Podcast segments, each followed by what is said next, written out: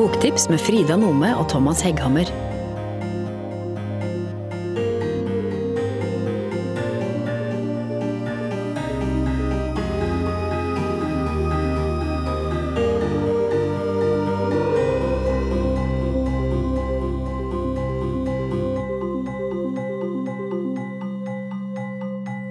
Hallo, og velkommen til denne lanseringen av Frida Nomes De savnede, en beretning fra Syria.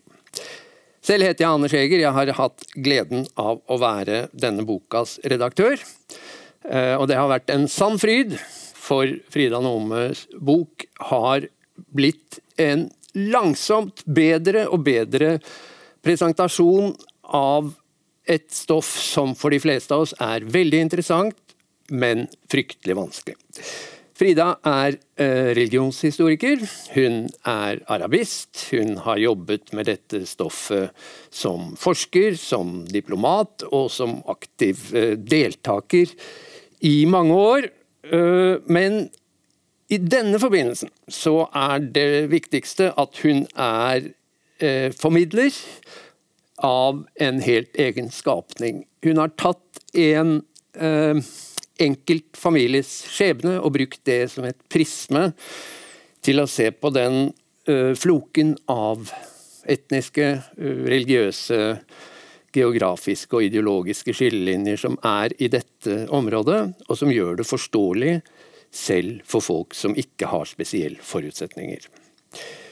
Til å presentere boken og snakke med Frida om den, har vi vært så heldige at vi har fått en av landets aller, aller fremste eksperter på området. Egentlig er hans emne politisk islam og de voldelige utslagene der, men han kjenner hele feltet. Eh, nemlig Thomas Hegghammer ved Forsvarets forskningsinstitutt. Vær så god til dere. Jeg gleder meg til å høre hva dere har å si. Frida Nome, velkommen. Takk. Og gratulerer med ny bok. Takk skal du ha.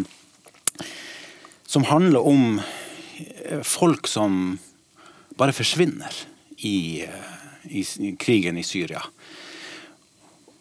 Jeg leste den her på ca. tre timer. Jeg slukte boka. Eh, og det eh, var en det var en virkelig utrolig leseopplevelse. Og jeg må si at du, du er jo en av Norges aller fremste Midtøsten-forskere, men du skriver jo ikke som en forsker. Du skriver som en vaskeekte forfatter. Så der er jeg ganske misunnelig. Takk skal du ha. Men eh, jeg må innrømme at når jeg, når jeg, uh, før jeg begynte å, å, lese den, så tenkte jeg Det har vært så Syriakrigen har pågått så lenge. Det har vært så grusomt. Vi har hørt så mye om lidelser av ulike slag. Eh, måtte klare enda en eh, beretning om det. Klare enda mer jævelskap fra, fra Syria nå. Eh, så viser det seg jo da at boka er, er veldig original og, og gir et veldig eh, veldig forfriskende på måte, blikk på, på, på, denne konflikten. Men, men, jeg tror kanskje en del eh, potensielle lesere tenker litt det samme. på en måte at eh, Vi har hørt så mye om denne krigen. Hvorfor trenger vi enda en bok? Hva, hva er det du ville eh, fortelle i, i, den, i den boka her? Ja, Interessant spørsmål. Eh, altså, jeg har skrevet en bok om et av de største hindrene for fred i Syria, eh, nemlig forsvinninger. Eh, det er eh, mer enn 100 000 eh, mennesker som har forsvunnet i Syria siden konflikten begynte i 2011.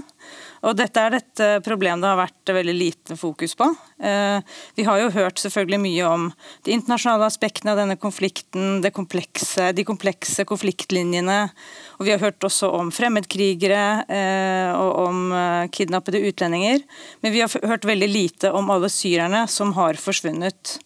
Og dette er en problematikk som har veldig store implikasjoner for fredsprosessen. Eh, den berører enormt mange mennesker. For i hver familie hvor det er en som er savnet, som har blitt borte, eh, så, vil det være eh, veldig mange som, som berøres av det hver eneste dag. Så, så det, er, det er et, stort, et stort problem som har fått veldig liten oppmerksomhet. Og så er det òg eh, få bøker, i hvert fall etter det jeg vet, som, som ser eh, den syriske konflikten nedenfra, fra bakken, og som forteller om, eh, om syrerne og hvordan de har opplevd denne krigen. Ja, det, er, det er helt enig. Jeg har jobba på dette feltet hele veien under krigen. og, og det, det, slo meg når jeg leste boka, hvor få beretninger jeg egentlig hadde lest av denne typen. Men fortell oss om uh, hovedpersonen, denne Abdallah ja. al-Khalil. Du viste meg et bilde av han, og han eh, han, han, på det bildet har en stort, bredt glis, en liksom kraftig kar med bart. En sånn type som man bare får lyst til å klemme. Men Fortell, fortell ja. oss litt mer om han. Ja, Abdullah eh, er, eh, han er en veldig blid fyr, som du ser. og Det bildet jeg viser deg, det var et av de siste bildene som ble tatt av han, så vidt jeg vet. Jeg har fått det av kona hans der han sitter i en bil eh, i skinnjakken og eh, i, med, med slipset på. Eh, alltid slipset på. Eh, han er advokat, eh, har jobbet med menneskerettigheter i alle år. vært aktiv i en menneskerettighetsorganisasjon i Syria. og han, var, han er en, en kar som, som, er veldig likende, som, som, kunne snakke med alle. og det, Jeg ble kjent med han da jeg jobbet i Syria på begynnelsen av 2000-tallet. Så han var eh, en, eh, en varm fyr eh, som var veldig raus med sine på en måte, Å kunne hjelpe meg og introdusere meg når jeg trengte å, å, å snakke med folk, ulike typer kontakter. For han kjente folk både i opposisjonen og i myndighetene. Og både i Damaskus og i som var hjembyen hans. da. Og hva skjedde med han? Jeg, jeg, jeg, har ikke lyst jeg har lyst til at vi ikke skal røpe slutten. Det, det er en slags krimgåte, det her. Vi skal ikke røpe eh, hva som skjer, men fortell oss hvordan det starter. Hva, hva skjer nå? Eh, Abdullah ble eh, kidnappet i 2013. Han var jo da eh, eh, leder av opposisjonen. Dette her var, Da hadde krigen i Syria vart i to år. Eh, og det hadde skjedd veldig mye. Eh, byen eh, Raqqa, som han kom fra, var, hadde frigjort seg, da, eller kjempet seg fri fra syriske myndigheter, og opposisjonen hadde overtatt makten i denne byen. Og han representerte da det sivile, altså den sivile administrasjonen som skulle skaffe tjenester til byens befolkning. Så, så han var i, i den posisjonen da han ble kidnappet Eh, en, en, natt på vei hjem fra kontoret. Eh, sammen med flere andre eh, så ble de stoppet av bilen ble stoppet av væpnede, maskerte menn. Og så ble han tvinget over Eller tvinget, tvunget altså fikk bind for øynene og hendene og, og, og ble kjørt av gårde da, og, og siden så var han borte. Så det, det, jeg ønsket, og også i samråd med kona hans, eh, var å forsøke å finne ut av hva som hadde skjedd med, med Abdullah. Jeg var nysgjerrig på um, selvfølgelig hans skjebne, det var jo veldig viktig for familien hans å få, få svar. Men, men, også på hvor mye gjøres i forsvinningssaker i Syria. Hva, hva, vet, hva kan man finne ut? Hva blir gjort, av hva slags etterforskning har det vært.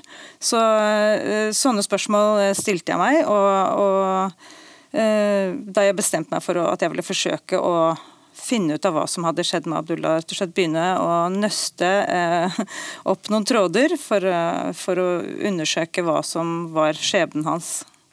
Ja, hvordan gikk du frem da? For du har jo et detaljnivå av en annen verden, eh, som, som, som, som gjør det altså, veldig lett å leve seg inn i historien som, som leser. Hvordan, hvordan, fant du ut eh, alt det her? Ja, Det er nesten eh, neste bok. Det er hvordan jeg, hvordan jeg gikk fram. Det var, eh, altså, først og fremst så var det eh, er boka basert på intervjuer. Eh, jeg begynte jo da med å intervjue kona hans. Eh, reiste til det landet hvor hun og familien har fått opphold, og, og snakket lenge med henne. Eh, og så begynte jeg å eh, nøste derfra. altså fikk, Ble introdusert til folk som, som hadde stått eh, Abdullah nær, som hadde jobbet med ham. Men også etter hvert til andre folk, altså opprørsgrupper, altså aktivister som hadde vært en del av miljøet rundt ham i, i Raqqa da dette skjedde. Jeg reiste til Tyrkia, nær grensen til Syria, til byer som Shanli Urfa og Gaziantep, der det bor mange syrere nå i eksil mange som har vært eh, en aktiv del av eh, konflikten og som har reist inn og ut, og som, som har eh, direkte kjennskap til alt som har skjedd. Så jeg snakket med, med da opprørere, folk i Nusra-fronten, som er en av disse islamistgruppene som, som har vært viktige eller fremtredende i Raqqa-området. Uh, og så, så, reiste jeg også til, til slutt til uh, Jeg reiste også til ulike steder i Europa og traff eh, andre som hadde uh, savnede familiemedlemmer fra samme område. og til slutt så reiste jeg til Syria, til nordøst og til Raqqa for å se hva jeg kunne finne ut, altså for å kunne nøste videre i de, de sporene jeg hadde funnet. da. Så der i Raqqa snakket jeg med beredskapsgruppe som jobber med å, å undersøke massegravene som, som, ligger der etter, eh, etter IS. Raqqa har jo vært eh, IS' hovedstad i flere år. Eh, Også, og, og, soldater som har vært med å, i, i, frigjøringskampen for å, for å, fjerne IS fra, fra Raqqa. Eh, og til slutt så jeg også, fikk jeg også anledning til å, å intervjue noen IS-soldater i et fengsel i Nordøst-Syria. Ja, Fortell om det, for det er jo ikke hvem som helst. Eh, og, og det er jo generelt egentlig med deg, Du har en veldig beskjeden fremtoning. Og jeg tror at, og, og, og i, i, i, samme i boka, du holder deg til, til, til, liksom, til, saken og din historie, men du har jo gjort eh, egentlig et skup eh, som, du, som du beskjedent nevner på slutten av boka, eh, som jeg oppdaga nesten ved en mm. tilfeldighet. Mm. og som jeg tror mange ville ha vært ville jubla over, og de ville liksom banka på døra til NRK og CNN for å få fortelle om det. Men det var jo det at du fikk møte to av de her såkalte eh, to medlemmer av det såkalte Beatles i, i IS. altså det er En sånn kvartett med fangevoktere og torturister som ble, som ble, som ble kjent i, på IS sin storhetstid. Og to av dem de fikk du altså møte. Fortell om det. Ja, nei, det, det var veldig spesielt møte. Jeg hadde eh, noen gode kontakter eh, i eh, disse syriske områdene som, som hjalp meg, og som introduserte meg til, til de kurdiske myndighetene der, som, som, som holder de fleste IS-fangene fra dette området.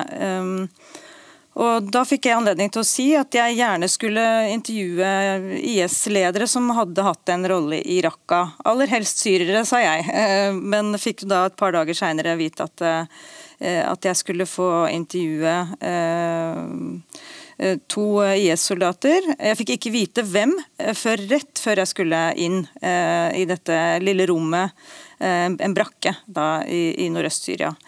Og jeg hadde ingen ingen tid til å forberede meg. Jeg hadde ikke selv fokusert spesielt mye på, uh, på kidnappede utlendinger, fordi mitt fokus i denne boka var alle syrerne som har forsvunnet. Uh, så jeg kjente ikke veldig godt til The Beatles. Jeg hadde ikke detaljkunnskap om, uh, om dem. og hadde tre minutter da på å forberede meg og et internett som var nede. Så jeg kom inn i, i dette rommet og, og traff og, og, og, denne ene medlemmen av uh, The Beatles ble, ble uh, ført inn i, i rommet og, og satt seg ned uh, ved siden av meg. Og ja, vi satt der og snakket veldig lenge sammen. Hvordan var han? Altså, hvordan var de som personer? Hvordan var stemninga i rommet? Nei, Det var jo en litt nervøs stemning, fra, i hvert fall sånn som jeg opplevde det. For jeg var kanskje aller mest nervøs for for at jeg ikke skulle få noe ut av de. Jeg opplevde at dette her var en sjanse som eh, ikke hvem som helst ville få, og som jeg ikke kunne få om igjen. Eh, men jeg hadde jo også sånne bilder fra den NRK-serien Le Byrå, eller altså den mm. franske serien Le Byrå, mm. eh, hvor, eh, hvor, hvor, man har sett da agenter sitte og intervjue IS-soldater som, som, har plutselig blitt voldelige. Så jeg hadde jo noen sånne bilder i hodet. Eh, men dette her var veldig rolig stemning. Det var lettere enn jeg hadde forventa å, å få, få, disse to i tale. Jeg møtte dem da én og én. Men, eh, men, det var eh, Jeg var nervøs. Det var altså plutselig så smalt det, f.eks., og da, da skvatt vi opp alle sammen. og, og assosiasjonen til til denne IS, denne britiske IS-krigeren, det var at dette her var lyder han kjente igjen da fra fra den første tiden eh, da han kom til Syria. Folk som øvde seg på å skyte. Mm. Så eh, det var eh, litt nervøst, men, men etter hvert en, en veldig en, en, tone som gjorde det mulig å stille spørsmål. Og han svarte òg ganske villig på, på mine spørsmål. Mm.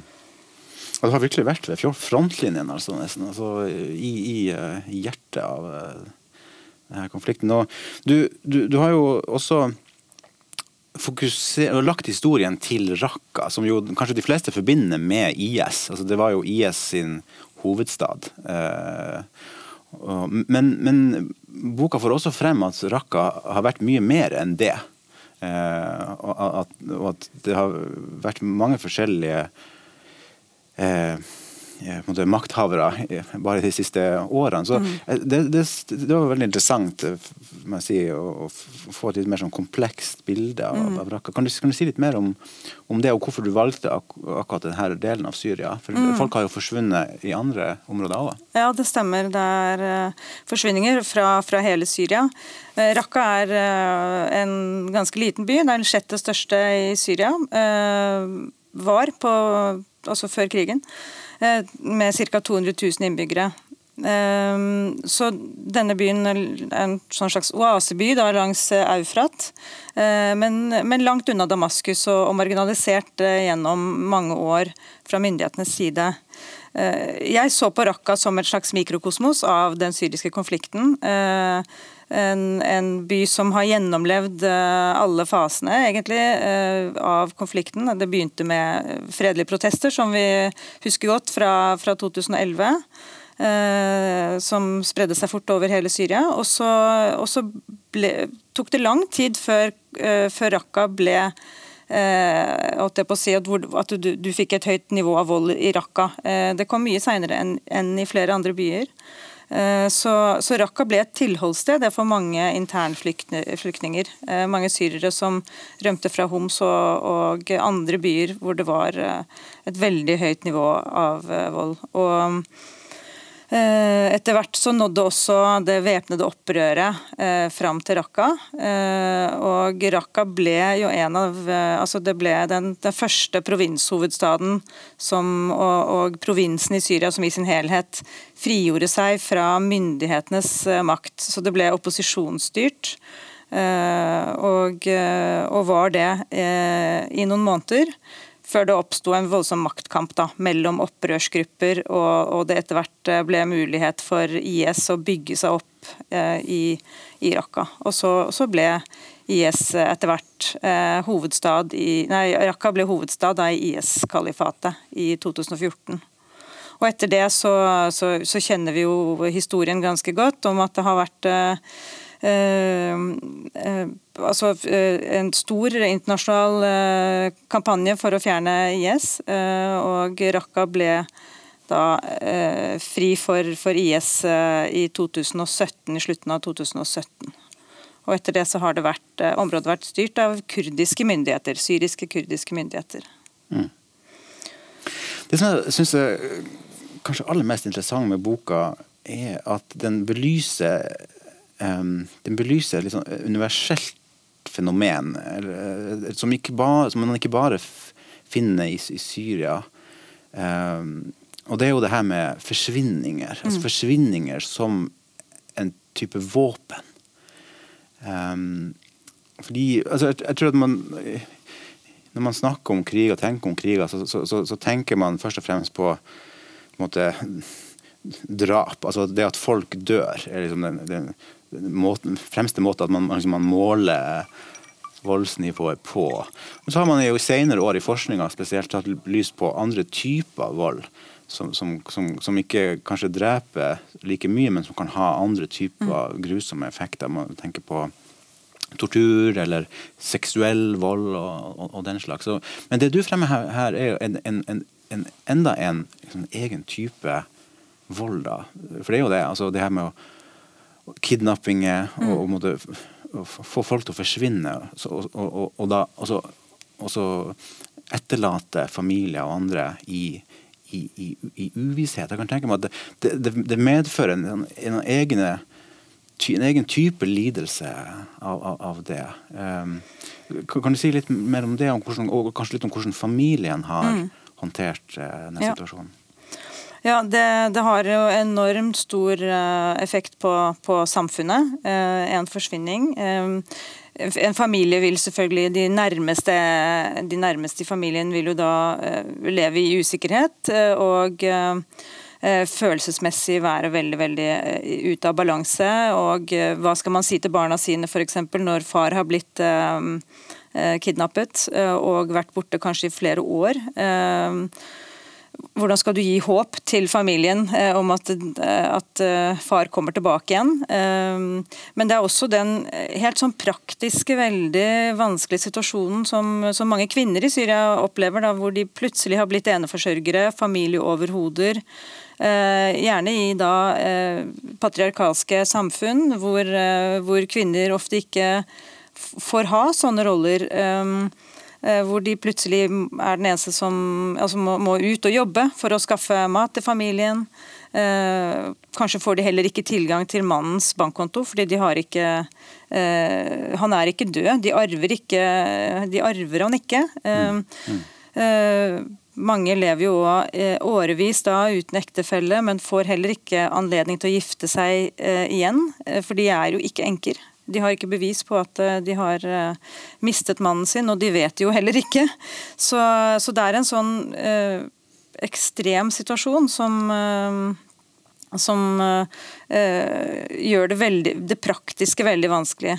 For familien til Abdullah så var det òg eh, stor altså, Så opplevde kona veldig stor usikkerhet også rundt barnas situasjon, eh, rundt deres sikkerhet, rett og slett. Hun var redd for at også de kunne eh, bli, eh, bli tatt. Og redd for om hun ville ha penger til neste husleie. Sånne rent praktiske problemer. Mm. Og midt oppi ja. det her så, så, så så dukker det jo opp eh, aktører som skal sko seg økonomisk på elendigheten også. Sant? Du, skriver litt om det i, boka, om ja. det, informasjonsmarkedet som, som oppstår. Ja. Ja, det er jo eh, eh Abdullah eh, ble jo også da eh, arrestert flere ganger av syriske myndigheter, og, og også Eh, opplevde, de, familien opplevde også at, ikke, at, han ble tatt, og de visste ikke hvor han var. Eh, og, og, De ble kontaktet av folk som sa at de hadde informasjon og ville de være villige til å betale penger for eh, å få eh, vite hvor han var.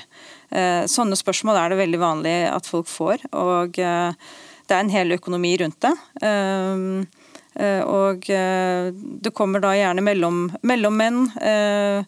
Altså De aller fleste forsvinningene er det syriske myndigheter som står bak. Eh, og eh, Hvordan disse mellommennene opptrer er jo veldig vanskelig å vite.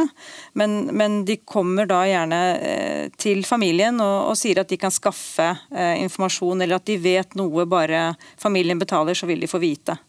Og Det er mange familier som har ruinert seg på den måten fordi de er i en veldig desperat situasjon og vil gjøre hva som helst for å få kunnskap om hva som har skjedd med sitt familie, savnede familiemedlem. Om det så er å få vite at vedkommende er død, så er det uh, mitt inntrykk at uh, de, altså familiene ønsker virkelig et svar. De vil vite hva som har skjedd. De, den uvissheten de lever under, er svært vanskelig. Mm. Ja, fryktelig. Um, jeg skulle skulle gjerne sittet her lenge og snakka om, om, det her, men vi, vi, nærmer oss slutten, dessverre. Men jeg er nysgjerrig på å høre om, om måte, hva, hva, er det som hva som gjøres i dag for å hjelpe de familier, de etterlatte, eller for, å, for å, få redusert det her mm, forsvinningsproblemet? Hva, hva, gjøres, hva kan gjøres? Mm. Og hva, vet, hva, hva har skjedd i tidligere konflikter. For eksempel, jeg tenker umiddelbart på for Bosnia, hvor man også hadde mye forsvinninger. Hvordan gikk det der? Hvor lang mm. tid tok det? og sånn?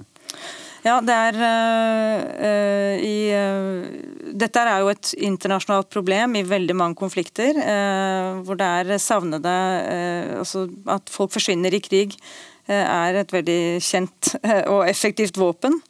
Og det tar ofte veldig lang tid før man får svar på forsvinningsgåtene. Gjerne tiår etter konflikten. Eh, mange konflikter så har du eh, altså, Som kanskje har eh, vært for 30-40 år siden, så, så, sitter familiene fortsatt der uten å vite hva som har skjedd med, med sønnene og fedrene eller døtrene sine. Men det pågår jo et arbeid bl.a. med å identifisere lik fra massegraver. På Vest-Balkan så har det vært gjort masse undersøkelser, og man har identifisert et høyt tall eh, av de som har vært savnet, men det er fortsatt savnet igjen. Og eh, I Libanon er det også fortsatt savnede etter borgerkrigen der. I Syria, så, i, altså i det området hvor Abdullah forsvant, Raqqa, så, så, er det satt i gang undersøkelser av massegravene. De, de graver opp døde for å gi dem en ordentlig begravelse. Men det er svært få de klarer å identifisere, fordi eh, de har ikke nok eh, eh, de har ikke de rette redskapene til å gjennomføre en, en grundig identifisering. Så, så For det internasjonale samfunnet å gå inn og hjelpe til er, er også veldig vanskelig, fordi krigen pågår. Men pågår fortsatt. Men dette er jo en av de tingene som, som må gjøres da for å, for å avdekke hva som har skjedd med, med, noen av de som har mistet livet. Men det er jo òg eh, sannsynligvis svært mange av de savnede som fortsatt er i live, og som, som, er i live i syriske fengsler i dag. Så, så det viktigste som kan gjøres, eh, er eh, vel å legge press på partene.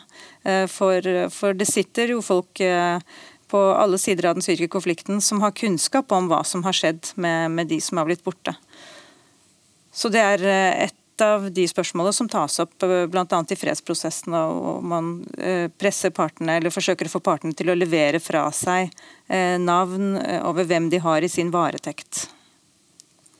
Helt til slutt, du som har jobba så lenge med, med Midtøsten og med Syria spesielt. Eh, hvor er du på, en måte på optimismespekteret eh, for Syria?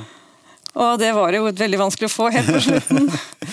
Eh, det er jo en så kompleks konflikt som, som krever Det krever at vi fortsetter å bry oss. Det er nå i hvert fall sikkert.